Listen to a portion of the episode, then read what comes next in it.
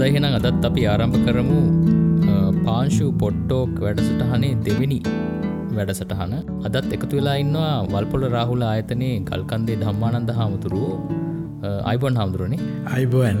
අද පොඩි වෙනසක් සිද්ධ වෙනවා මේ වෙනද වගේ නෙමෙයි අපි අද හාමුදුරුව ඉන්නේ වල්පොල රාහුලා ඇතනේ තංකරාචා ස්ටඩියෝ එකේ. මම ඉන්නේ වෙනම තැනක. අපි දුරකතනයෙන් තමයි මේ සංවාදය කරන්නේ. නමුත් අපි හොඳ ගුණාත්මක හඬක් දෙන්න අපි වෙනම එක රෙකෝඩ් කරලා පස්සේ අපි එකතු කරලා ගුණාත්මක හඬක් ලබා දෙන්න තමයි උත්සාහ කරන්න. අපි බලමු කොච්චර හොඳට එක කරන්න පුළුවන් වෙයිද කියලා. මහිතන මේ අත්තද බැලීමක් නේ අපි දෙන්න ඉන්න කිලෝමීටර් මහිතන්නේ පහල පහලවක් විතර දුර එක්කෙනගේ අනිත් එක්කෙන. අපි බලමු කොහොමද වැඩි සිද්ධ වෙන්න කියලා. අද හාමුදුරනේ මේ මට හිතුනා මේ ඒගැන අපිට ගන්න තියෙන හොඳම මාතෘකාවක් කියලා මේ පහුගේ සතිවල ඇතිවෙච්චි ලොකු කතාවක් මේ විද්‍යාත්මක කරුණු එක්ක කොහොමද මේ ආගමික කරුණුත් තියාගෙන මේමක් මේ ඉස්සරහට යන්නේ කොහොමද වගේ එකක් ප්‍රශ්නයක් මේ හැමෝටම මතුවෙන් ඇති කියලා මං හිතනවා. ඔකට මූලික වුණේ මං කියන්නම් මේ එක්තරා මේ YouTube නාලිකාවක තරුණ ළමෙක් YouTube වීඩියෝවක් කරනවා මේ තවත් ජීව විද්‍යා ගුරුවරයෙක්ගේ වීඩියෝව කාශ්‍රයෙන් ඒක මේ ප්‍රශ්න කරලා. මෙතනදී මේ මේ ගොඩක්ම දකිට ලැබුණ දැන් මේ ජීව විද්‍යාව උගන්නන ගුරුවරයත් ඒ ජීව විද්‍යාම විතරක් උගන්නනවා නෙමේ ආගමික කරුණුත් ඒත් එක්කම ඇතුළත් කරනවා ඒ එයාගේ ඉදිරිපත් කිරීමට. ඉතින් දැම් මේ මේ YouTube නාලිකාව කරපු තරුණ අතිනුත් එතකොට දැන් ඒ ජීවවිද්‍යා ගුරුවරයා කතා කරපු ඒ ආගම කොටසටත් ඕගේ ජීවවිද්‍යාත්මක කරුණුවලට උත්තර දෙන ගමම්ම අර ඕගේ ආගමික තර්කවලටත් පොඩි සඳහන් කිරීමක් සිදුවන ඔන්න මෙන්න මේ කාරණය හින්ද මේ සමාජ මාධ්‍යවලත් ඊට පස්සේ ඒ ආශ්‍රිතව ගොඩාක් වාද විවාද ගොඩාක් ඇති වුණා. එකනෙකාට ප්‍රහාරෙල්ල කරගත්තා. සමහරු දෙවි හිමියෙන් මේක ඩිෆෙන්් කරන්න ගියා මේ හෝ රැකගණ්ඩ ගියා දෙපැත්තම රැකගණ්ඩ ගියාය කියන්නේ. විද්‍යා පැත්තිනුත් ඒකාවා මේ ආගමත් දිවි හිමියෙන් රැකගන්න මේ ෆයිට් එකක් ගියා දැන්. මංහිතනවා අද අපේ කතාවට ඒ මාතෘකා ගත්තොත් හොඳයි කියලනි හාමුදුරනි මහිතන එක හොඳයි. මහිතන මේ අපි පටිගත කරන කාල වෙනකොට ඒ ජීවිතය පරදුවට තබල කරපු සටන ටිකක් නිවිලා ගිල්ල තියෙදී මේ කතා කරන්නේ. ඒකත් එකතකට හොඳ අයිනේ දේ කියන්නේ මේ ඒක හොඳයි. දැන් ගොඩක් අය ගැන ඔක්කොම සාකච්ඡා ඉවරලා දැතොටයක් නිවිලානින්න අඩුගානමික දිහා වෙන විදිකට බලන්න පුළුවන් මට්ටමක් තියෙන පරිසරයක කතා කරන්න එක හොඳයි. මට ඇතර මේ විඩියෝ එක මං බැලුව සහ මේ අනිත් අය කතා කරන ඒවත් ටික ටික බලන්න පුළුවන් වුණ. මේ මූලිකව කියන්න පුළන්දේ තමයි මේ මේ කැලඹීම ඇතිකරප එක හරි හොඳයි. එකන මේක කරුණු හරි මොකුත් නෙවේ ඊට මෙහා පැත්තේ මේක පොඩ්ඩක් හෙල්ලුවා වගේ එහෙම එකක් වුණා. ඒක හරිම හොඳ දෙයක්. ධනාත්මකයි. ඒ නිසානේ ගොඩක් අය මේ ගැන කතා කරන්න ගත්තේ. දෙහින්ද මේ ඒක හොඳ දෙයක්. ඉලාට දෙවෙනි එක තමයි මේ අන්තර්ගතයට සාකච්ඡාවට වඩා බොහෝ තැන්වල මන් දැක්කා මේක කතා කරලා තිබුණේ තරුණයෙක් කියන එක වගේ. එකැනේ තරුණයා කියලත් වඩා නිකම් පොඩි එකෙක් වගේ. ඒ නිසා මේ මේක ගණන් ගත යුතු දෙයක් නෙවෙයි. මෙයා තව ඉගෙන ගණ්ඩෝන්නේ අර ඒ වගේ ප්‍රවේශයකින් මේ කතා කරපු කැන පණවිඩේට නෙවේ පණිවිඩ කරුවාට එහෙම එහෙම පිළිතුරු දෙන ගතියකුත් දැක්කා. එතන පොඩි අර ඔතෝරටි ගතියකුත් තිබුණනේ දෙගැන මොකද අන්න හරි. ඔව අමකද අනිත් කෙනා ඒ විෂේ මේ නේද? විෂය ඉගෙනගත්තු ඒ ඕ ඒ ශේත්‍රය ගිය ඔතෝරටි එකක් තියෙන කෙනෙක් මේ මෙයා කවුද වගේ එකක් නිකං එහෙම තැනගෙන දාව මේක ඔවු. ඔව්. අපිත් දැන් මේකේ කියන්න ඕන දැන් මේකේ අර විද්‍යා ගුරුවරු හැම ආගම කතා කරපු එක දිහා අපි බලන්නෙත් මේ එයා කවුද ආගම කතා කරන්න වගේ ඔතොරිටි එකකින් නෙවෙයි නේද? එහෙම එකක් අපේ නැහැ. ඒක ඒ නිසා. ඉතින් මේ මට නිකන් ඒකෙදි හිතුණු දේ කියන්නේ මේ බලනකොට මට අයන් හිතට ආපු කතාව තමයි අර මේ බුද්ධිමතුන්ට විතරක් පේන ඇඳුමක් වියන සන්නාලියෝ පිරිසක් අප කතාව මම හිතන්නේ මතක ඇතිනේ මේ රාජ්‍යයකට නේද රාජ්‍යයකට ඇවිල්ල ඒගොල්ල කියනවා බුද්ධිමතුන්ට විතරයි අපි හදන ඇඳුම පේන්නේ කියලා.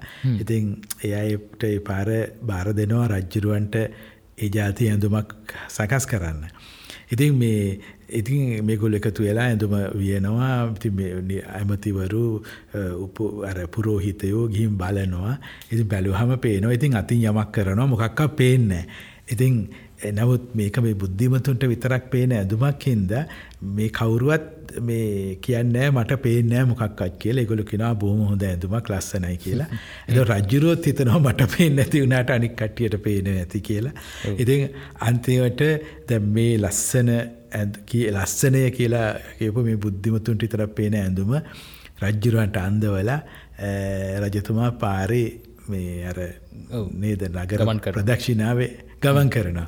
ඉතින් එතු මිනිස්සුත් දන්නවද මිනිසුන්ට තාරංචය ගිහිල්ලන්න තියෙන බුද්ධිමතුන් විතර පේන්නේ කියලා. ඉතින් ඔක්කෝම කිසිම කෙනෙකුට කිසිම ඇඳුමක් පේන්නේ රජ්ජුරු නිර්වතින් යනවා. හැමෝම ඇඳුම හරි ලස්සනයි කියලා කියද්දි පොඩි එක්කෙනෙක් තමයි කියන්නේ රජ්ජුරුවෝ නිරුවතින් කියලා. මේ ඉතින් වට මේ කතාව මතක් වුණා මේ හැමෝම මේ පොඩි එකෙක් වැඩ එහෙම ගණන් ඕනේ නැති කෙනෙක් යමක් කිව්වා වගේ උනාට ඇත්තට මේ පොඩි එකා තමයි මේ පෙන්නුවේ මේ මේවා මේ ප්‍රශ්න නොකර බාරගණ්ඩෝන් නැහැ මේක ප්‍රශ්න කරන්න කියන එක කිව්වේ පොඩි එකෙක්. ඉතින් ඒක තමට මික බැලූ ගාම මට හිතුන සන්තෝ සතුට හා කතාව කැනෙ මෙයා පොඩි කෙනෙක් කියල පල්ලහට දානකොට අර කතාව ඉතින් පොඩිය කෙට්ට තමයි දෛරය තිවුණ එම එකක් කරන්න. එතකොට මේ දැන් අපි කොහෙන්ද මේ කතා පටන් ගන්න දැන් අපි හිතමු මට හිතුනේ මේ මේකේ මේ කරුණු දැ කරුණු අල්ලගෙනන ගොඩක් දෙෙන කතා කරේ. මට හිතනවා කරුණු නෙවෙයි. එක ඇතුළි ගේන්න මේ අන්තිමට වැදගත්දේ තමයි ප්‍රශ්න කරන්න කියලා. අනේද ද. ඒක ඇත්තද ඒක එහෙමද අන්නේ මං කියන්නේ ඒක හරි වැදගත්. එහෙම ප්‍රශ්න කිරීම ප්‍රශ්න කිරීම ඔස්සේ තමයි මේ මනුෂ්‍ය වර්ගයා මෙච්චර දුර ඇවිල්ලා තියෙන්නේ. ප්‍රශ්න කරපු නැති තියෙන දේ එහෙමයි කියලා පිළිගන්න සමාජය එතනින් ඉවරයි. ඉතින් ඒ හින්දා මේ මේ ගේන්නේ ඊටාම වැදගත් කාරණයක්. එහෙමද? ඒක එතකොට එහෙමද කියලා ප්‍රශ්න කිරීමෙන් කියවෙන්නේ නැහෙනි ප්‍රතික්ෂේප කරනවා කියලා. ප්‍රශ්න කරාට පස්සේ ඒක පාර ඒ ඔස්සේ ගිහිල්ලා එක්කො තහවුරු කරගන්නවා. එහෙම නැත්නම් නෑ එහෙම නෙවෙයි කියන තැනට එනවා. මොකක් හෝ තම තමන්ට නිරවුල් තැනකට එනවා. ඉතින් ඒ හින්දා මේ මූලික වශයෙන් මේ තරුණයා ගේන ගේන්නේ වැදගත් හරිම වැදගත් ප්‍රශ්නයක්. ඒ කියන්නේ මේ කරුණුවලට යන්න කලින් අපි මේ මේකේ මොකක් හරි මේ ක්‍රමවේදයක් තියෙන්න එපා. අපි දෙයක් මේ හදාරණ විදිහාරි දකින විදිහාරි ගත්තාම නේද ඇතට මට වේ දැන් මේකට ප්‍රතිචාර හැටියට කතා කරපු සමහර දෙනා කියපු දේවල් වන් දැක්කා. මේ විශේෂෙන් ඔය ත්‍රිපිටකය සම්බන්ධයෙන් කියන කාරණා මේවා මේ අපි වගේ මෝඩ කට්ටිය කරපුව නෙවෙයි මේවා රහතන් වහන්සේලා ගෙනාපුවා. ඒ රහතන් වහන්සේලා ගෙනාපු දේවල් වල ප්‍රශ්න කරන්න දෙයක් නැහැ කියලා. හරිනේ? එතකොට මේ තරුණ තරුණයෙක් කියනවා ප්‍රශ්න කරන්න කියලා. ඊළඟට ඇත්තටම ප්‍රශ්න කිරීම උගන්නන්න ඕන කෙනෙක් කියනවා ප්‍රශ්න කරන්න එපා කියලා. ප්‍රශ්න නොකර මේවා භාරගත යුතුයි කියලා. ඇතන බුදුහාමුදුරුවන්ගේ ඉගැන්වීම් මේ පොතපතියම එන දේවල් වල එන්නේ බුදුහාරු කියන්නේ ප්‍රශ්න කරන්න කියලා. ඇත්තටම තමන්ගේ ඉගැන්වීම් ප්‍රශ්න කරන්න. එතකොට ප්‍රශ්න කරොත් තමයි එතනින් ඉස්සරහට යන්න පුළුවන් කියන කාරණය එක සූත්‍රයක් තමයි චුල්ලහත්ති පදෝපම සූත්‍රය. ඒකේ බෝම පැහැදිලිව හරියට විද්‍යාත්මක ක්‍රමවේද කියලා අපි පර්යේෂණ කරනයට උගන්නනවා යමක් පර්යේෂණ කරන්නේ කොහොමද කියලා. එතනදී මූලික උපකල්පනයක් ඇති කරගෙන ඊට පස්සේ ඒක ඒක තහවුරු වෙනවද? ප්‍රතික්ෂේප වෙනවද? නැත්නම් ඊට වඩා ඉදිරියට යන්න පුළුවන් ඔන්න ඔය විදිහට බලන පර්යේෂණ ක්‍රම පුගන්නනවා. ඇත්තට මේ සූත්‍රයේ ඇත්තට ඒ විදිහට ඉතාම සමීපයි. මං කෙටියෙන් කිව්වොත් අර නගරයක හම්බෙන දෙන්නෙක් අතර වෙන සංවාදයේ කොස්සේ මේකේ කතා කරනවා අර යම් නිගමනයකට එන විදිහ. එතකොට එක්කෙනෙක් සමාජයේ ඉහළ පන්තියේ වැදගත් යයි කියලා හිතන අය කියපු දෙයක් ඒ විදිහටම බාර අරගෙන ඒක නිගමනයට එනවා. තව අනිත් එක්කෙනා එහෙම අනිත් සමාජයේ ලොකුවයි කියන කතාවක්වත් නෑ තමන්ට මේ හම්බුණු කෙනා නිකං ඕපදූපයක් වගේ කියපු දේ පිළි අරන් නිගමනය කරනවා. බුදු හාමුදුරු මේ දෙකම ප්‍රතික්ෂේප කරලා ඒ නිගමනය දක්වා යන පියවර ටික ලස්සනට විස්තර කරනෝ ඇතෙකුගේ ඇත්තඩි සලකුණ ඒක ඒක ඒක එහෙම එකක් අරගෙන. එතකොට කියන දේ තමයි කෙනෙක් දකිනවා ඇත් අඩ සලකුණක්. එතකොට මේක විශාලයි ඒ නිසා මේ කැලේ වසනු ලොකුම හස්තියාගේ වෙන්ඩ පුළුවන් ද කියන ප්‍රශ්නය. ද කියන එක. එතැනදී බුදුහාර කියනවා මේක නිගමනයකට යන්න ප්‍රමාණවත් නෑ. මේක එහෙම වෙන්න පුල නොවෙන්න පුළුව නිසා තව හොයන්න. එතකොට ඊට පස මේ පුද්ගලය තව හොයාගෙන යනකොට තියෙනවා අතු බිඳලදාලා. එතකොට ඒකෙන් අඳුන ගන්නවා කොච්චර උස ගහේ උස තැනක තියෙන අතුද බිඳල දාලා තියෙන. එතකොට ඇත හොඩ සාක්ෂි ටිකක් මේ තව සාක්ෂි ටිකක් දකිනෝ මේ තමන් සැක කරන දේ පැත්තට යන්න ඔව්. යන්න එතට අත්තඩිය ඇත්තඩිය විතරක් නෙවෙයි දැන් තව සාක්ෂිතය තියෙන කොච්චර තියෙනවා. ඔහොම මිස්සරහට යනකොට ගහේ ගස්සල උස මඩ තැවරුණු තැන්. ඔය වගේ එහෙම එහෙම ගිහිල්ල අන්තිවට දලෙන් කොච්චර උස තැනකට අනින්න පුළුවන්ද. ඒ වගේම ඒ ඇනපු පහරවල්වල පෙන්නන ශක්තිය කොච්චරද. කොච්චර දැවන්ත හයියක් තියෙන ඇතෙක්ද දල තියෙන ඔය තව සාක්ෂි. නමුත් ඒත් බුදුහාරු කියන්නේ නිගමනයට යන්න එපා තව ඉස්සරහට යන්න තව සාක්ෂියෝ යන්න අන්තිමට ප්‍රත්‍යක්ෂයෙන් තමන්ගේ ඇස්සලින් දැක්කට පස්සේ නිගමනය කරන්න මේ තමයි කැලේ වසන හස්තිරයි. මම මුලින් දැක්ක කෙනා ඇත්තටම හස්තිරාජය තමයි කියන නිගමනේ. එතවට මේ සූත්‍රයේ දිගටම තියෙන්නේ ඔය ද ප්‍රශ්ත කියන එක තමයි. මේ ඇත්ත ඕ ඕ එ එකක් වෙන්න බැරිද වෙන එකක් වෙන්න බැරිත ඇතනව ඒ අනෙක් පියවර හැම තැනකම එක කියනවා. මේ මට්ටමට උඩ අතු කඩන්ඩ පොළුවන් ඇතින්නියෝ ඉන්නවා. ඒ ඇතින්යන්ගේ වර ඇත් කුලයේ නමත් කියනවා. මේ එතකොට එකන්නේ වෙන කෙනෙක් වෙන්න පුළුවන් කියලනේ එතකොට හැම තැනකම කියවේ කෑන ඔය ප්‍රශ්නය තම මේ වනේ වසන ලොකුම හස්තිරාජයක්ද වෙන කෙනෙක් වෙන්න වැරිද. ඉතින් එහෙමෙම ගිහිල්ලා නෑ යාමයි කියන නිගමනයට එන්නේ මේ ප්‍රත්‍යක්ෂයෙන් ඇස් දෙකෙන් දැක්කට පස්සේ. ඒ දක්වා තියෙන්නෙම ද කියන ප්‍රශ්නෙත් තමයි.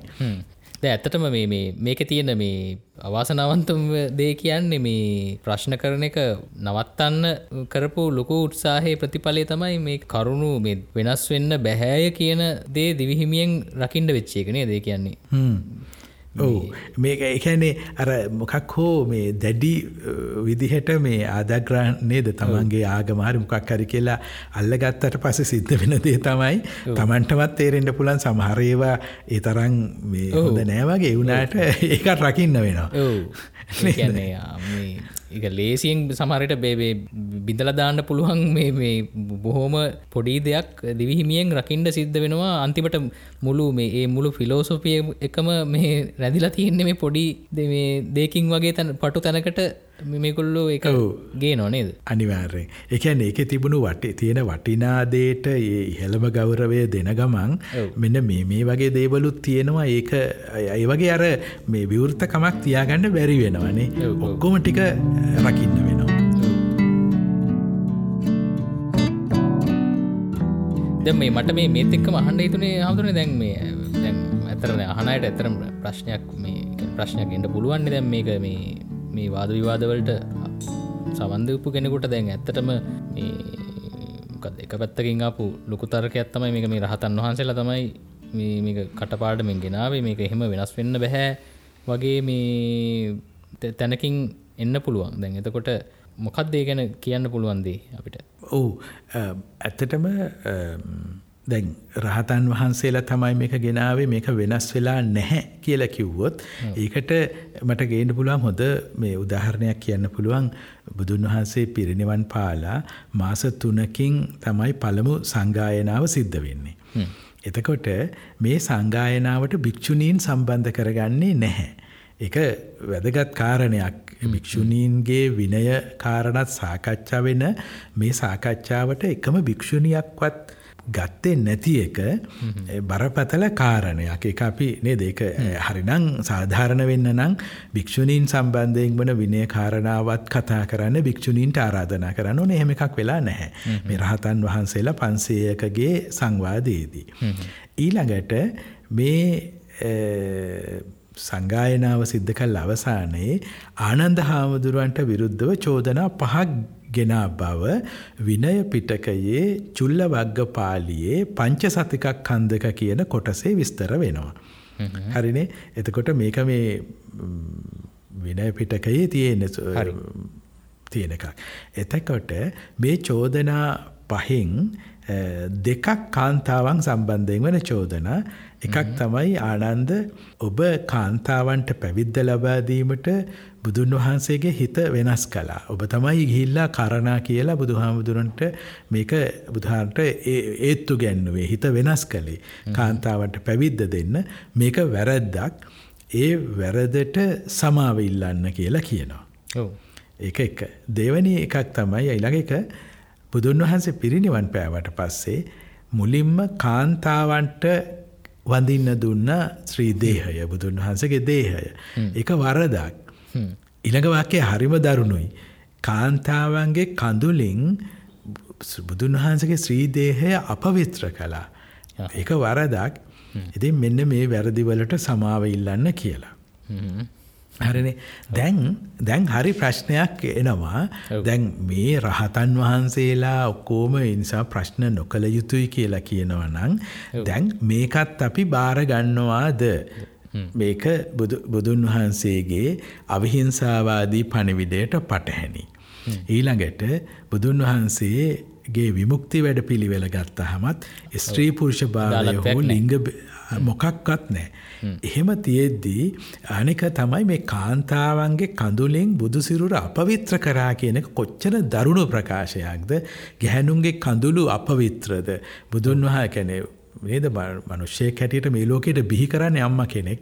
ඊළඟට එහෙම එතකොට දැන් දැන් මේ මේවා බය රහතන් වහන්සේලා කියලා ප්‍රශ්න කරන්න එපා කියන ඕනම කෙනෙකුට යොමු කරන්න පුළුවන් ප්‍රශ්නේ තමයි දැන් මොකද කියන්නේ? දැන් මේ ඔක්කොම ටික මේ රහතන් වහන්සේලාගේ දේශනා කියලා අපි ඒ විදිහට බාර ගන්නවාද? ඊළඟට මේ නූතන ලෝකයේ මිනිස්සු උපත මත ලිංගික අනන්‍යතාවය මත වර්ග නොකරන ලෝකයේ ඉස්සරහා බුදුදහම හිනාවට ලක් වෙනව නේද මේවා? මේ උත්තම රහතන් වහන්සේලාගේ ඉගැන්වීම කියලා බාරගත්තොත් මම කියන්නේ අර ද ප්‍රශ්න මං කියන්නේ ඒක බුදු මේක පිළිගන්නවද අපි?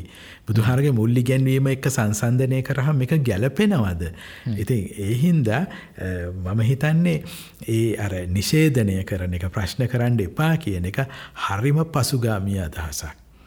ඉතින් අර අහපු ප්‍රශ්නේ මේ මේක දැන් මෙහෙම කිව්වහම කෙනෙක් කියන්න පුළුවන් එහෙනම් මේව බාර ගන්න හොඳ නැද්ද වගේ එන්න පුළුවන් නේද? මිකැන්න මේක ඔක්කොම බොරුද? ඕක තම ප්‍රශ්නේ. ඔක්කොම බොරුද හෝ ඔක්කොම ඇත්ත හෝ නෙවෙයි ප්‍රශ්නය දැන් එහෙම එකක් නෑ. මේක තුළ ඉතාම සාරගර්භදේ තිබෙන අතරම මේ වගේ දේවලුත් තියෙනවා.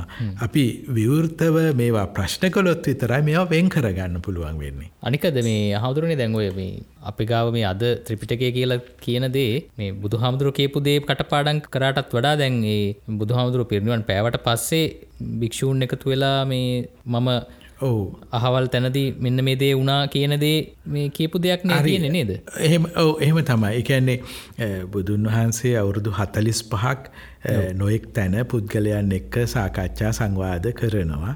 ඒ කාලයේම මේවා සංග්‍රහ කරලා අවසාන වශයෙන් සකස් වුණා නෙවෙයි. හැබැයි ඒ පරණම භාෂා ලක්ෂණ තියෙන ඒවා තියෙනවා. නමුත් අවසාන කොහොමුණත් බුදුන් වහන්සේ පිරිනිවන් පෑවට පස්සේ තමයි ඒ කාලේ හිටපු විශාල පිරිසක් අතරින් පන්සේයක් එකතු වෙලා මේක එකතු කරලා සංග්‍රහ කරලා ඉදිරියට කටපාඩමින් ගෙනියන ආකාරයට සකස් කරන්නේ. එතකොට අර ඔයා කිව්වා වගේ බොහෝ සූත්‍ර පටන් ගන්න ඒවම් මේ සුතං කියලා, ඒවම් මේ සුතා ඒකන් සමයම් භගවා කියලා.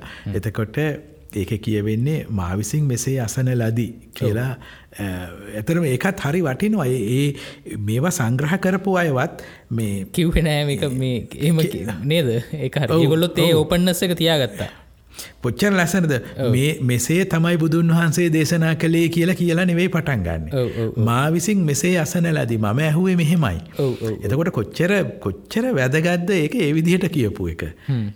නේද ඒවනතං ඕක වාක්‍යය ගල හදන්ඩ තිබුණනි බුදුන් වහන්සේ දේශනා කළේ මෙසේය කියලා සූත්‍රය පටන් ගන්න තිවන එම නෙවේ කියන්නේ. මා විසින් මෙසේ අසන් ලැදතකොට එක පුද්ගලයෙක් තමයි මේක කියන්නේ මා විසින් මෙසේ අසන් ලදී. එතකොට බොහෝ දුරට ওই 500 දෙනා අනෙක් හාමුදුරුවරුත් ඒගොල්ලෝ අහපු විදිහ මේකට එකතු කරලා තමයි අවසාන එක හදන්න ඇත්තේ. ඒ කියන්නේ අනිකේ හැම හැම කතාවකම පොඩි මේ ඒගොල්ලන්ගේ මේ ඒක නිකම්ම කියන්නෙත් නැහැනේ. මොකක් හරි සිද්ධියක් සිද්ධියකුත් තියෙනවනේ ඒ කියන දේවල් වලට. බොහෝ වෙලාවට ඔව් එකන්නේ ඒ සිදුවීම ඒ සාකච්ඡාව ඇති වුණේ මෙන්න මේ කාරණය මුල් කරගෙනයි. ඊට පස්සේ අන්න එහෙම ඒකට සම්බන්ධ වෙච්ච පුද්ගලයෝ හරි ලස්සන ඓතිහාසික වාර්තා තබන විදියක්නේ කොහෙදිද සිද්ධ වුණේ. එතකොට සමහරට දිනය කියන්න පුළුවන් නම් කොයි කාලෙද වුණේ. එහෙම ඊළඟට මේකට සම්බන්ධ වෙච්ච අනික් පුද්ගලයෝ කවුද? ඒ ඒවට ඇතුළත් කරලයි මේ ඉගැන්වීම් ටික එන්නේ. එතකොට ටිකක් මතක තියාගන්න පුළුවන්. ඒක තියෙන මේ විශ්වාසදායක බව මම හිතනවා ඒක කොටසක්නේ ඔය ඒකට සම්බන්ධ වෙච්ච පුද්ගලයෝ සිද්ධිය ඇතුළත් කරන එක. ඒ කියන්නේ මේ එකනේ අපි ගත්තොත් ඒ සංගායනාවට අදාළව මේ තම තමන්ට අදාළ කාරණය ගැන තම තමන් ඔවු දැම් මෙතන එකක් තමයි මේ අන්තිමට එනවා මේ ආනන්ද හාමුදුරුවෝ මේ බොහෝදේ නැවත ගැන බුදුහාරෝ දවසේ කොතැනක හෝ කතා කරපු දෙයක් තිබුණ නම් ඒක ආනන්ද හාමුදුරුවොත් එක නැවත සාකච්ඡා කරපු එක. මහිතන මේක සාමාන්‍යයි. දැන් ගුරු මේ අදට මගේ අත්දැකීමත් එහෙමයි. ගුරු ශිෂ්‍ය සම්බන්ධය ගොඩක් හොඳ මට්ටමක තියෙනකොට හවස ගුරුවරයා දවසේ දේවල් ආපහු කතා කරනවා. දයිස්සර මං නොෙක් තැන කියනවනේ හවස පහට විතර. අපි තේ හදාගෙන එළියේ වාඩි වුණාම මගේ ආචාර්යයන් වහන්සේ වල්පල රාහුල හාමුදුරුවෝ ඒ දවසේ ගියපු තැන් තමට ආදාහන උත්සවය ගියාම එතන උුණු මේ ප්‍රසන්න නොවන දෙයක් කියනවා එක එක ගෝලයාගේ බලය ප්‍රදර්ශනය කරන්න මල් පෙරහැරවල්ලාව මල් වෙඩි තිබුණ හරිම කනගාටුයි බලා ඔය වගේ ඒක කත එතන වෙච්ච දේවල් කතා කර ඉතින් ඔය වගේ බුදුහාම ගැන මේ බුදුහාමුදුරු මේක මේ සමාන කරනවා නෙවෙයි. බොහෝ වෙලාවට බුදුහාමුදුරුවෝ ඒ ඒ දවසෙක් කරපු දේශනා නැවත ආනන්ද හාමුදුරුත් එක්ක සාකච්ඡ කළ බව පේනවා. එනිසා ආනන්ද හාමුදුරන්ට ලොකු අවස්ථාවක් තියෙනවා මේ දැනුම මේ ගන්නපු දේවල් ගැන අවබෝධය. ඒ නිසා මේ මේ සංගායනාවේ ආනන්ද හාමුදුරු ලොකුම භූමිකාව කරන්නේ. එකන ඕන කාරණයක් පොඩ වෙරිෆයි කරගන්න වගේ පුළුවන් නේද? ඒ කියන්නේ ළඟින් අන්න හරි. ඔව් ඔව්. කියන්නේ මේ දැන් මේ ඉගැන්වීම් වල බොහොම පරිස්සමින් මතකය ගෙන ආපු සම්ප්‍රදායක් තියෙනවා. ඒක හරි ගැන්නේ ඒක පරිස්සමින් ගුරුගෝලයන් අත ගුරුවරගෙන් ගෝලයට දෙමින් කටපාඩන් කරමින් නැවත මේ ගොල්ල එකතු වෙලා තම තමගේ කටපාඩම නිවැරදිද කියලා පරීක්ෂා කරමින් ඊට පස්සේ බැමිනිතියා සාගත වගේ අවස්ථාවලදි මේක විනාශ වෙන්න පුළුවන් කියලා හිතලා පිරිසක් ලංකාවෙන් යනවා ඉන්දයා යකුණු ඉන්දියාවට ඉතුරු වෙච්ච පිරිස එකතු වෙලා ලියනවා මේකේ ලොකු ප්‍රයත්නයකින් ආපු සම්ප්‍රදායක් හරිම ඉහළ මට්ටමේ සම්ප්‍රදායක් තියෙනවා. හැබැයි එහෙම කියලා මේවා මේ රහතන් වහන්සේලාගේ වැඩ කිසිවෙකු ප්‍රශ්න නොකළ යුතුයි කිව්වොත් මං හිතන්නේ අන්නේ අර මේක ඔය කාලාම සූත්‍රය ඇතුළු ඉගැන්වීම් පරිසං කරගෙන ආපු හාමුදුරුන්ටත් කරන්නේ අවමානයක්. ද ඇතර මට මතක් වුණේ දැන්ව පළවෙනි සංගායනාවෙන් පස්සේ දෙවෙනි සංගායනාවකටත් එනවනේ. එතකොට ඇවිල්ලා මේ එතනදිත් පොඩි මතකැටුම් ඇති වෙනවා නේද? මේ මේ සංගායනාව කරන පිරිස්වල. ඔව් එතනදී ඇත්තටම විනය කාරණා ගැනයි ඇත්තටම ප්‍රශ්න ඇති වෙන්නේ. ඒක උඩ තමයි බෙදීලා යන්නේ. නමුත් මේ ওই පළවෙනි සංගායනාව අවසන් වුණාට පස්සේ ඒ ප්‍රදේශයට පිටත පළාතක ඉඳලා බෝ මේ කාලේ හිටපු වැඩිහිටි හාවුරු කෙනෙක් පැමිණුනාම මේ සංගායනාවේ කතා කරපු දේවල් ගැන විස්තර කරලා මේ ඉගැන්වීම් බාරගන්න කියලා කියනවා. එතකොට ඒ හාමුදුරුව කියන්නේ මේ ඔබලා බොහොම හොඳට මේක සාකච්ඡා කල්ල කරපු බව පේනවා. ඒ වුනාට මම බුදු හාමුදුරන්ගේ ගෙනගත්ත විදිහට මම ඒක බාරගන්නවා කියන එක. කැන්නේ ඔගොල්ලෝ කතා කර ඒක නෙවෙයි. මම බුදු හාමුදුරන්ගෙන් මම ඉගෙන ගත්ත දේ තමයි මම බාරගන්න කියලා කියනවා. මේක එක්තරා නිකං එක වෙන්න පුළුවන්නේ. නේද ඉහළ මට්ට මේ පන්සියක් දෙනෙක් එකතු වෙලා තම තමන් එකතු වෙලා ඒ තිබුණු දේ එකතු කරනවා. එතකොට ඒ අතරින් අනිත් අය ඉන්නවා බුදුහාමුදුරුවොත් එක්ගෙම ධර්මය හදාරපු අය. එතකොට මේ කණ්ඩායමක් එකතු වෙලා සංග්‍රහ කරපු දේ යා ඒක ගැන ලොකු උනන්දුවක් දක්වන්නේ මම මේ මංගේ ගුරුවරයිගෙනගත් ඒ වගේ. ඒ කොහම හරි දෙවැනි සංගායනා වගේ දේවල් වෙන්නේ විනය කාරණා ගැන ධර්මය ගැනම නෙවෙයි. ඒකන මතවාද තියෙනක් නමුත් ඊට පස්සේ මේ ගුරුකුලවලට බෙදෙනවා. ගුරුකුල ගණනාවක් ඇති වෙනවා. ඒ අය අතර ඉගැන්වීම් ගැන විවිධ මත වෙනස්කම් ඇති වෙන.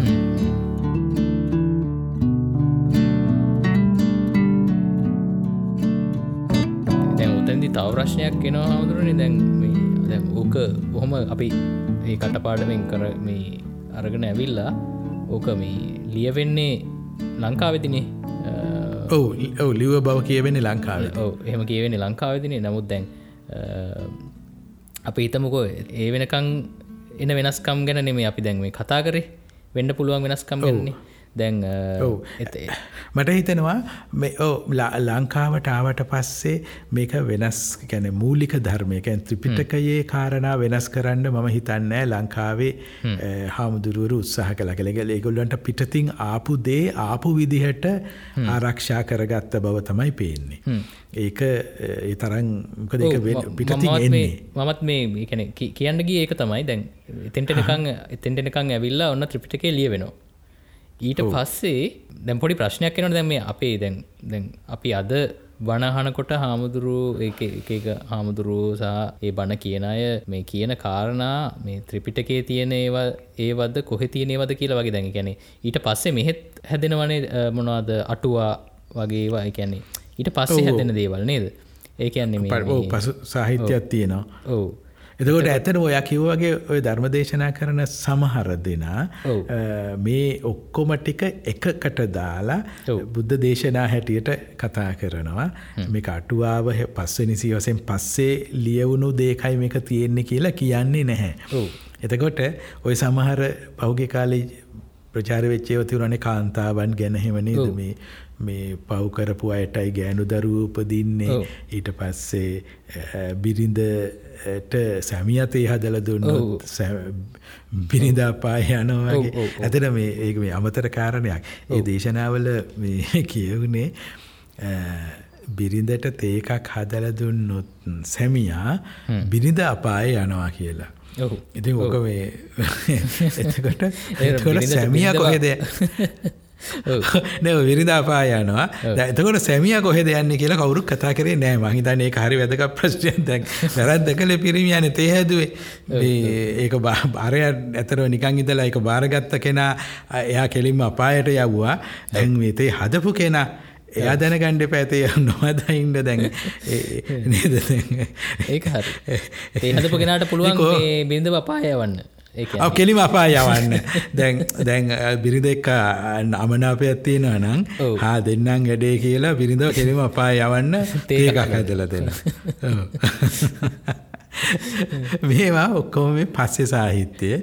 ඉතින් මේ මේ පස්සේ ඇතිවුණු ඔත් එතකොට රහතන් වහන්සේලගේ වැඩ කියලා ප්‍රශ්න නොකරම බාරගන්න මට මතකයි හමුදුරු කියනවා මේ ඔය දැන් ඔය ත්‍රිපිටකේ මේ ත්‍රිපිටකේ ලියවුණාට පස්සේ එතනින් මෙහාට වෙනස් වෙන්න තිබුණු ඉඩකට අඩුයි කියන එකට ඔය දැන් මේ සමහර ඔය මේ එතනින් පස්සයාපු දේවල් වලට මේ එකතු කරපු දේවල් මුකුත් අර ත්‍රිපිටකේට එකතු කරලා නැහැ. ඒ කියන්නේ පරිස්සම් කරලා තියෙනවා ඒකට. ඔය කියන්නේ ඕන්නම් ඒකට ලේසියෙන් දාන්න තිබ්බ සමහර කවු වගේ දෙයක් හමුදුරු මට මතකයි කියනවා.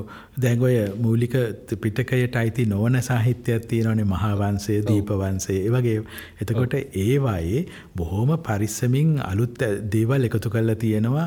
මේ ලංකාවයි බුදුදහමයි අතරේ සම්බන්ධය මේ අන්න එක හදන්න. ඒ කියන්නේ බුදුහාරෝ ජීවමාන කාලෙදිම ලංකාව ගැන මේ දිවයින ගැන දැනගත්තා. මේකේ මිනිස්සු ගැන මේ මෙහි තියෙන බෞද්ධායතනවල තමයි බුදුහාරගේ දේවලි රැස් මහවන්සේ පටන්ගන්නෙම ඕගේ දෙකින්නේද ඔවෝ ඇතරම මේ දීපවන්සේන මහවන්සට කලින් ලිය වෙන්නේ හරි. එතකොට දීපවන්සේක් විස්තර කරනවා බුදුන් මේ සිද්ධාර්ථ ගෞතම බුද්ධත්වය ලැබීමෙන් පස්සේ ඒ එතනම හිඳගෙන බලනෝ දැම් එක අවබෝධ කරගත්ත දේ කොහෙද ආරක්ෂ වෙන්න කියලා.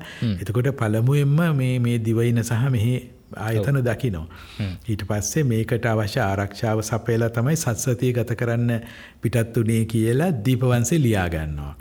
එතකොට බුදුහාරගේ පලවෙනි වැඩේ පලවෙනි වැඩේ තමයි මේ දිවයින දැකලා මෙහෙ තමයි ආර ඕවා ලියන්නේ මෙහෙ ලියපු සාහිත්‍යයේ. හැබැයි හැබැයි දැන් ඒගේ බුදුන් වහන්සේ ලංකාවට වැඩම කලා කියලා ඒ ලොකු කතා ලියනවනේ. හැබැයි දැන් ඒ භික්‍ෂූන් වහන්සේලා වනේ ත්‍රිපිටකය කටපාඩමින් අරගෙනන්නේ ඕ ඒගොල්ලන්ට පුළුවන්කම තිබුණ ඔය සූත්‍රයකට.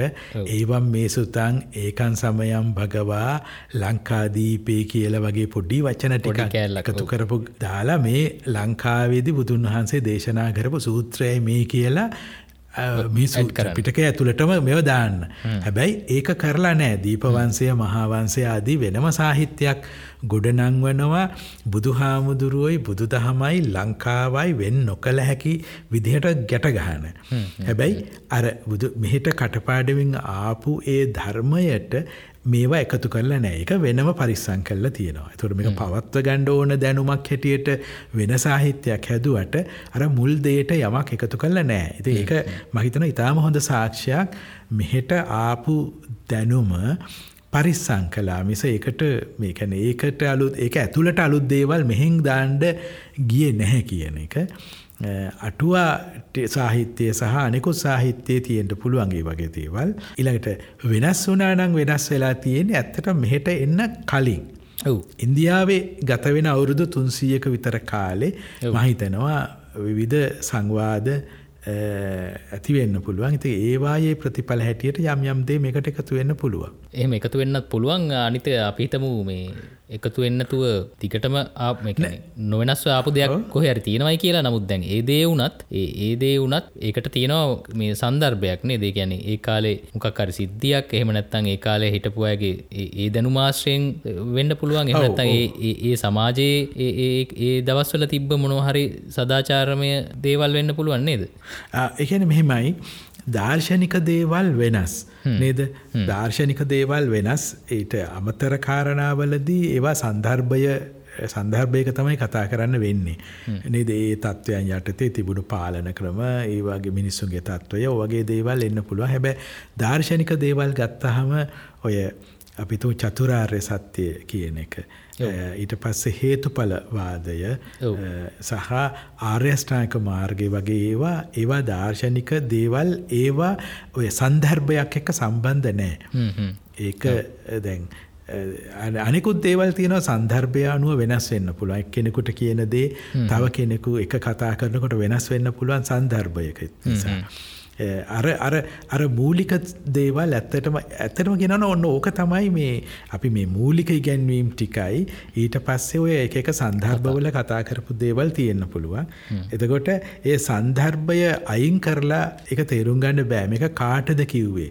මොන වගේ තත්ත්වයකද කිව්වේ? මොන අරමුණින්ද කිව්වේ? කියන වගේ දේවල් සලකන්නේ නැතුව මහිතන් නැහැ එක ඒවා ගත යුතුයි කියලා. මේ ආගම පැත්තෙන්ගෙන තර්ක ඔක්කොම දකිනකොට මට හිතුනේ දැන් මේගොල්ලු ඔක්කොම කියන්නේ මේ මේ දැන් ඒගොල්ලු මේ දැනගෙන ඉන්න දේ තමයි සත්‍ය වෙන දෙයක් තියෙන්න බැහැ වගේ තැනකින් තමයි මේගොල්ලු මේ එකන අලුත් අදහස් මොහොකොටවත් ඉඩ තියාගන්නේ නැතුව මේ සත්‍ය කියල දෙයක් හිතාගෙන ඒක රකින බවක් තමයි ප්‍රේමයි දැන් බුදුන් වහසගේ ගැනීම බල චංකි කියල සූත්‍රයක් තියෙනවා. ඒ එක තරුණයෙක් ගිහිල්ල අහන ප්‍රශ්නයක්. මේ සත්‍යය සත්‍යය ආරක්ෂ කරන්නේ කොහොමද කියලා. එතැනදී බුදුන් වහන්සගේ පිළිතුර හරි ලස්සනයි. යම් කෙනෙක්ට කියන්න පුළුවන් මේක මගේ සත්‍යය මේක මට සත්‍යයි කියලා. එතකොට මේක මගේ සත්‍යය මේක මට සත්‍යයි. එතකොට එහෙම කියන තාක්කල් ඒ පුද්ගලය සත්‍යය රැක්කාවේ කියලා. ගැන සත්‍යය රකිනවා කියලා. ඊළඟට ඊළඟ පියවරේදි කියනවා යම් කෙනෙක් කියනවා නම් මේක තමයි සත්‍යය. මේ හැර සත්‍යයක් නැත කියලා බුදුහාර කියනවා සත්‍යය ඉවරයි කියලා. සත්‍යය සත්‍යය සම්බන්ධ ආරක්ෂා වෙතනින් අවසානයි කියලා. එතකොට එතකොට ඒක පේන්නේ මේ සත්‍යය මතුවීමට හැකිතරම් ඉඩ තියෙන එකත් අනෙක තම තමන්ට නිදහස තියෙනවා තමන්ට නිගමනයකට එන්න මේක තමයි මට සත්‍යය මේක මගේ සත්‍යය. හැබැයි කාටවත් අයිතියක් නැහැ කියන්න මේ හැර සත්‍යයක් නෑ මේක තමයි පරම සත්‍යය. කිව්ව ගමන් අපි සත්‍යය මතුවීමට තියෙන දොරටු වැැහුව වෙනවා කිය. එම ගත්තාම මේ ඇත්තටම මේ ප්‍රශ්න කරන්න සොයා යන්න ගවේශණය කරන්න සහ මේ අලුත් මත ආවොත් ඒකට විවෘත වෙන්න ඉඩ ඉතුරු කරන්න එක ගැන තමයි බුදුහාරෝ එතන කතා කරන්න. ඇතර මට දැන්ඒවා හද්දි හිතන දෙයක් තමයි දැන්ව චුල්ල හත්ති පදෝම සූත්‍රය දැන් දැන්ඔය කතා කරපු චංකි සූත්‍රය. ඒවගේ මේ ඒ දේවල් වල දැන් තියෙනවන මොකක්කරි ක්‍රමවේදයක්නේ දේ ගැන්නේ මේ දේවල් දිහා බලන බලන විදිහක්. මේ ඒක ගත්තාම මට හිතෙනවා දැන් කැන දැන් ගිය වාදයක් ගියත් දැ මේ විද්‍යාව ආගම මේ වාදය නෙමේ යන්නේ තැන් එහෙම යනකොට මට හිතන ඇතරම දැ විද්‍යාව ගත්තත් විද්‍යාත්මක ක්‍රමවේද ගත්තත් ඔය ඔය ඔය ලෝක දිහා ඔය බලන විදිහත් එක කිසිම ක්ලෑශ් එකක් එන්නේ නෑ ක්‍රමවේද එකයි. ඒක මේ යම් සොයා ගැනීමක් කලා මේක තමයි පරම සත්‍යය මීට හා සත්‍යයක් නැත කියන්න. නෙහෙමනෑ මේ සාධක මත එන නිගමනයක් මේක වෙනස් සාධකවලින් වෙනස් වෙන්න පුළුවන්. ගැන්නේ හැම වෙලේ විවෘතව තබන එකක් නේද? මොකක්කරි පැහැදිලි කිරීමක් අපිට තියෙනවනම් ඒ පැහැදිලි කිරීම එක් අපි පුළුවන්තරමක් ඉසරහට යනවා. සා මේ අලුත් මොනොහරි සාක්ෂිවලින් ඊට වඩා හොඳට පැහැදිලි කරන්න පුළුවන්නගේදේ අපි අර පරණ මොඩල් එක තැරලා ඒ අලුත් එකත් එක්ක මේ ඉදිරියට ගමන් කරනවානේ දෙකැන ඒ ඒ මොඩල් එක එහෙම කරත් අපි ඒකත් ඒක ගණගන්නෙත් නෑ පරම සත්‍යය විදිහට. අපි ඒත් අපි ඕපන් නිදිහට තියාගෙන ඉන්නවා. මේක මේ මේ තවකාට හරි පුළුවන් ඒක මේ ඒක ගැන අභියෝගට ලක් අභියෝගට ලක් කරන්න. ඉති මට තිතුන මේ කිසිම එකැන මේ ඒ මේ ලෝකෙ දිහ බලන ඕ බලන විදිහ කිසිම ගැටලුව ගැටුමක් වෙන්නේ නෑ දැන් කාලාම සූත්‍රය ගත්තත්. එතන ඇතනව ඒකෙත් කියනවනේ මේ ඔය මා පිටක සම්පදානයන පොතේ පතේ තිබුණයි කියල බාරගණ්ඩ එපා කියලා නේද වගේ ගුරුවරු කිව්ව විදිිය මෙහෙම ඒටි කරම් බැලුවොත් එතන කියන්නෙත් ඇත්තටම මේ ප්‍රශ්න කරන්න ප්‍රශ්න නොකර බාරගන්න එපා කියන එක. ඒ ප්‍රශ්න කරන විදිිය එක කතා වෙන. ඉතින් එහෙම ගත්තාහම ආයිත් මේක කියවෙන්නේ එතන ඔය ඔය විද්‍යාත්මක ක්‍රමවේදයයි බුදු දහමේන ක්‍රමවේදයයි. මම කියන්නේ මේ සමානයි ඒ නිසා බුද්ධාගමයි විද්‍යාවයි එකයි වගේ එකක් නෙවෙයි. එමකන් නෙවෙයි. එමකන් නෙවෙයි. මේ නමුත් මේ ගැටෙන්න දෙයක් මෙතන නැහැ. මේ ක්‍රමවේදය වසයෙන් ගැටෙන්න දෙයක් නැහැ. ඒ වගේ මේ මට නිකන් පරිනාමය ගැන මේක ඇවිත් තිබුණනි පරිණ ඇතටම මේ බුදු දහමේන මූලික ගැන්වීමක් තමයි අනිත්‍යතාව කියන එක. කිසිම කිසි දෙයක් නැහැ දෙයක් හෝ භෞතික හෝ භෞතික නොවන වෙනස් නොවන. නිරන්තරයෙන් වෙනස් වෙනවා කියන එක හේතුඵල සම්බන්ධතාවයක් සහිතව.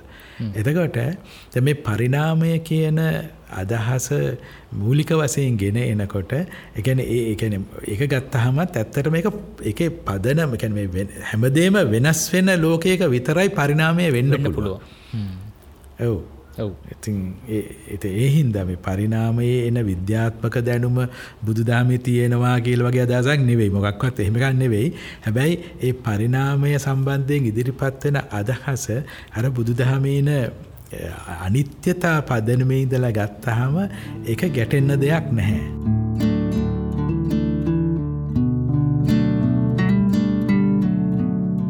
උතනදී අර මේ අග්ගඥ සූත්‍රය පාවිච්චි කරනවා මේක මේ වෙනස්වීම පැත්තෙන් නෙමේ බලන්නේ අර අර සූත්‍රය හරි. ඔවු.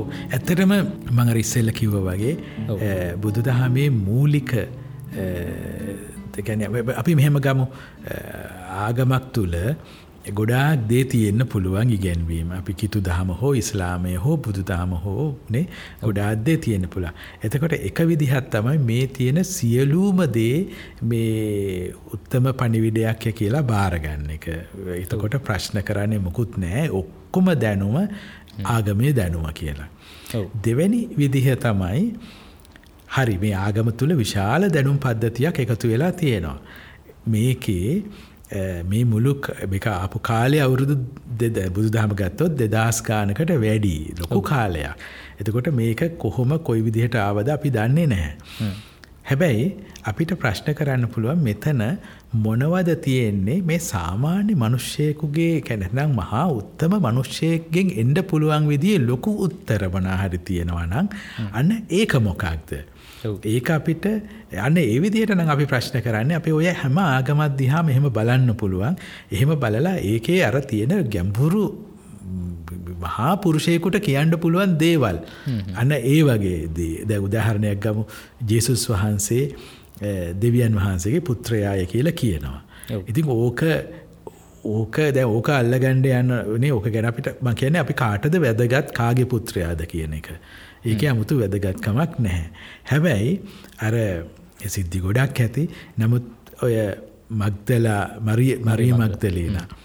ඒ ඒ සිදුවීම ඒකෙදී ඒ ඩපුරු මිනිස්සු ගල්බුගුරු අරගෙන මේ ගැහැනිය වරදක් කරලා මේ ගැහැනියට දැන් දෙන දඩුවම තමයි ගල්ගහල මරලදාන එක. ඔබ මොකද කියන්නේ කියලා ඇහුවහම ඒ දෙන පිළිතුරේ.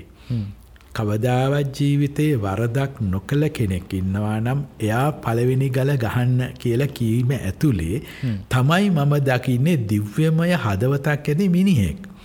නේ? එතකොට මම කියන්නේ අපිට මේ අර අර කතා ඔක්කොම බාරගණ්ඩ යනවට වඩා මෙන්න මේක. මට මං කිතුුණුවෙක් නෙවෙයි. නමුත් මෙන්න මේ ඉගැන්වීම හින්දා මම ඒ ඒක කියන්න පුළ මහා උත්තව මනුෂ්‍යයකුටය කියලා මං බාරගන්නවා. ඉතින් බුදුදහම සම්බන්ධයෙන් ගත්තහමත් මේකේ එක එක සන්දර්භවල එක එක පුද්ගලයින්ට එක එක මානසික මට්ටම් වල හිටපු අයට කරපු ඉගැන්වීම් තියෙන්න පුළුවන්. ඒ වගේම සමහරදේ ඔය අවුරුදු තුන්සීය ඇතුළේ අ, බුදුන් වහන්සේ ඉඳලා අශෝකගේ කාලු තුන්වෙනි සංගායනාව විතර දක්වා කාලය තුළ එකතු වුණු දැනුම් තියෙන්න්නත් පුළුවන්. ඉන්දියාව කැන විශාල රටක්. එතකොට ලංකාවට ආපු ත්‍රිපිටක කියල කියන අවන්ති දේශයේ තිබුණු ත්‍රිපිටකය. එතකොට ඉන්දියාවේ විශාල කලාපයක් තුළ මේක යනකොට යම් යම් එකතුවීම් වෙලා තියෙන්ඩත් පුළුවන්. ඒ කොහේ ගියත් එකතු නොවුණු එකැන කොහේ ගියත් ඒ හැම තැනකම තියෙන පොදු දේවල් ටිකක් තියෙනවා. ඒ තමයි මම කිව්වොය හේතු පලවාදය චතුරාර්ය සත්‍යය ආරශ්නාක මාර්ගය වගේ ගැන්වීම. ඒක තමයි ඇත්තටම අර බුදු දහමේ තියෙන මේ මහාපුරුෂයකුට කියන්න පුළුවන් ගැඹුරු දේවල් ටික. ඉතින් ඔය අග්ගඥ සූත්‍රය වගේ දේවල් වල තියෙන්නේ මේ ලෝකයේ ආරම්භය සම්බන්ධයෙන් වන කතාපුවතක් එකන කතාපුවතේ ඇත්තටම එක ඇත්තටම මෙතන තියෙන රාජ්‍ය බිහිවීම ගැන ඉතාම වටිනා අදහසක් තියෙනවා. රාජ්‍යය කියන එක දෙවියන් වහන්සේ හෝ වෙන කොහෙන්වත් නිර්මාණය වුණු එකක් නෙවෙයි. ඒක මේ ඔය මිනිසුන් අතරින් මේ මහා සම්මතයකින් මිනිස්සු පත්කරගත්ත කෙනෙක්ය ඒ නිසා රජු යනු මිනිසුන් අතරේම තව කෙනෙක් පත්කරගත්ත කෙනෙක් විශේෂ කාර්යකට එතකොට එයාට බදු ගෙවන්නේ ඒ කාර්ය කරන්න ඔන්න ඔය කියන අදහස ඓතිහාසිකව රාජ්‍ය බිහිවීම ගැන හොඳ කතාබාක් එතන එනවා. නමුත් මේ ඒකාර බුදුහාරගේ මූලික ඉගැන්වීම එක්ක කිසි සම්බන්ධයක් ඇති කතාවක් නෙවෙයි. මේත් එක්කම මේ කතා නොකරම බැරි මාතෘකාවක් තමයි හාමුදුරුවනි දැන් මේ. අපි හිත මොකක් හරි විෂයක් උගන්නන කෙනෙක් ගත්තොත් ඒ ගොඩක් පේන ට්‍රෙන්ඩ් එකක් තමයි මේ ඒ උගන්නන විෂයට අමතරව මේ මේ ආගමික කාරණා වගේ දේවල් මේ එගොල්ලු එක්කර එකතු කරගන්නවා මේ ආකර්ශණය වගේ දේවල් මේ වැඩි කරගන්න. හැම විෂයම වගේ දක්නට ලැබෙන තව දෙයක් තමයි මේ ඒකැන මේ මේ විෂය අපි ඉගෙන ගන්න මේක විෂය අර විද්‍යාත්මකව ඉගෙන ගන්නමත් නෙමේ ඒක ඇතුළේ නිකං අපි මාරයි වගේ දෙයක් නිකං කියන්න. එහෙම දෙයක් පේන්න තියෙනවා. අපි ඉතිහාස විෂය කියලා ගම්මු ඉතිහාසය ඉතිහාසය විෂය ඉගෙන ගන්න කෙනෙක් ඒක ඒක විද්‍යාත්මකව විදිහට ඒ විෂය ගැන දකිනවා වෙනුවට මේ අපේ අපේ ප්‍රෞ්ඩ ඉතිහාසය මෙන්න මේ වගේ තැනක ඉදන් තමයි මේ විෂයන් ඔක්කොම මේ ඉගෙන ගන්න උත්සාහ කරන්නේ. නැතන් ජීවිද්‍යාව වගේ විෂයක් උගන්නන තැනකට ඒක අත්‍යවශ්‍ය නෑන ඒ කාරණයනේ දග අපිත මොන්න ස්ට්‍රෙස්ස එක අඩු කරගන්න. ඒ වගේ දේකට නං අපිට මේ මේක තියන මොනොහරි දෙයක් නේද? මෙඩිටේෂන් අපිට පාච්චි කරගන්න පුළුවන් ද එහෙමේවා නෙවෙයි නේ දෙන්නේ දැන් ළමයි විභාගවලට පාඩම් කරන් යනකොට ඔයාලට ඔය වගේ මානසික පීඩන තත්ත්වයක් ආවොත් ඔයාලා පොඩ්ඩක් හුස්ම ගන්න හුස්ම ගැන අවධානය ඔය වගේ වගේ නම් මේ ගුරුවරු කියන්නේ හරි හොඳයි. ඒවා අදාළයි. නමුත් එහෙම එකක් නෙවෙයි එන්නේ. එකන්නේ අර වගේ මේ අපේ ආගම අපේ දහම අර ඒකන මේ එකන එච්චර වෙලා ගොඩාක් උගන්නලා මේ මම මේ මොන්න දේ කිව්වත් මීට වඩා ලොකු එකක් තියෙනවා කියලා නිකන්. එහෙමනේ ඔව් ඒකනේ මෙතන අබංක කමෙත් ලොකු ප්‍රශ්නයක් තියෙනකන් දැන් මේ මේ දැන් විද්‍යාව ගැන කිව්වට කමන්නේ මේක පරම සත්‍ය නෙවෙයි. මේවා වෙනස් වෙන්න පුළුවන්. මේ අපි කතා කරන්නේ දැනට තියෙන දැනුම කියලා කියන එක හරි අවංකයි. නේද? නමුත් ඒක නෙවෙයි මෙතන කරන්න මේ විද්‍යාව කියල ගෙන ගත්තර මේක වැඩන්නෑ මේක නෙවෙයි. ඇත්තටම වටින එක අරකයි කියලා වෙන එකක් කියන්න යනවා. තමන් හරියට දන්නෙත් නැති එකක්. ඒක එකක්. ඊළඟට ඒ කියන එකේ ඔය ඇතරම ඔය ක්‍රොනොලොජී එක කාලානුක්‍රමිකව එක එක කාලවල වැති වුණු වර්ධනය හෝ අටුවා ගැන හෝ වෙනත් බණකතා සාහිත්‍යය කියලා තියෙනවා. එ මොනවත් ගැන දැනුමක් නැති පුද්ගලයෙක් ඔය එක එක කාලවල කියවුණු දේවල් මේ බුදුන් වහන්සගේ ඉගැන්වීම් හැටියට පන්තිවල කියා දෙන්න යනවා. එතකොට ඒක ඇත්තටම මේ හරිම වංචනික ක්‍රියාවක් මේ තමන් දන්න ඇති හරියට දන්න ඇතිඒව ළමයින්ගේ ඔලුවට දාන එක. ඒක. අනික් පැත්තෙන් මේ ළමයින්ගේ සල්ලි අරගෙනන මේක කරන්නේ. මේක සල්ලි අරගන්නේ විද්‍යාව ගන්න ගන්න. ළමයි එතෙන්ඩ ගේන්නෙත් විද්‍යාව ගන්නන්න. එතකොට ඒක ඉඳගෙන වෙන වෙන දේවල් ප්‍රමාණයක් කොළුවට දානවා. ඉතින් ඒක ඇතුලේ මහිතන් ඔන්නෝක තමයි තියෙන අපි මාරයි කියන එක. ඒගැන ඇත්තට මනුස්සෙක් ඔය වගේ මේ මහා විශිෂ්ටයි කියලා කිව්වට කවන්නෑ කරුණු මත ඉඳලා සහ ඒ පුද්ගලයාට ධෛර්යය උපදවන්න ද මෙතන වෙන්න එක නෙවෙයි. අනික මේ විශිෂ්ටයන් වීම යනු මේ අපි අපි එක එක්කෙනා කරන්න ඕන වැඩක්නේ. අපිට වෙනස් කාලෙක හිටපු කවුරු හරි විශිෂ්ට වීමෙන් අපි විශිෂ්ට වෙන්න ෑනේ. ඒකරි. මට හිතන්නේ මේ ටියවෂන් ඔගල දෙනා මේක වෙනව ඇත්තේ ළමයි ටික එතෙන්න ගෙන්න්න ගන්න එතැන් එන්න දෙමෝපියන්ට වෙන්ඩ පුලම එක කියන්නේ. අපේ නේද හරි බුද්ධාගමේ සර් කෙනෙක් එයා කියල වගේ අදහසක් වෙන්ඩ පුළුවන් මේ ඇතුලි තියන. නමකද මිකොළු දන්න එකක් නෙවෙන මේ කතා කරන්නේ. මම මේ කියන්නේ එකන්නේ හොයා බලලා ඒ ගැන එහෙමකින් නෙවෙයි මේවා කියන්නේ. ඊළඟට එක විදිකට තමන් ගන්නන විෂයට සම්පූර්ණ පටහැ නිදර්ශනයක් දෙන්නේ. එකන්නේ ප්‍රශ්න කරන්න එපා. ප්‍රශ්න නොකර බාරගණ්ඩ කියලා විද්‍යාව ගන්නන පන්තික කිව්වාහම ඒක ඇතර මූලික ද ඇතරම මට මට නිකම් මතක් වුණේ අපි අපි එලෙවල්ස් වලට බයලෝජි කරද්දී මේ අපිට උගන්නපු මේ ඒ ගුරුවරයා මේ කතෝලික එක් කෙනෙක් නමුත් එයා මේ එයා කවදාවත් මේ ඒක ඇතුළේ මේ මේක දෙවියන් වහන්ස මැව්ව කියන තැනට ගේ නෑ. ගැන අපිට මං කැනේ තීරීක නුගන්න නේ ද කියන්නේ ළම කෙන්නේ එක ඉගෙන ගන්නනේ. සහ අනි අනිදේ තමයි දැන් එයා එහෙම කිව්වනන් දැන් මේ මෙතන ඉන්න ඔක්කොම ළමයි කතෝලික නෙමේ මේ එයාගේ ක්ලාස් හරියට හරි. ඔව් ඔව්. දැ මේ අපි දකින එකේ ඔය පන්තිවලින් ඔක්කොම් බෞද්ධද නේද? හරි අසාධාරණනය එහෙම ඒ ළමයි එතන මේ ළමයි නෙව ළමයි කවුරුවත් මේ ධර්මයන් දැනගෙන ආගමික වෙලා නෙවෙයි. අම්ම තාත්ත සහ පරිසරයෙන් ආගමික වෙලා. එතකොට ඒ ළමයි ටික එකතු වෙලා එක පන්තික වාඩි වුනාම ගුරුවරයා ඒ අයගේ අයගෙන් එක පිරිසකගේ ආගම තමයි මාර කියලා කිව් හමරලා අනිත් ළමයගේ තත්වයමක දැන කොයිතරම් නරකදේක.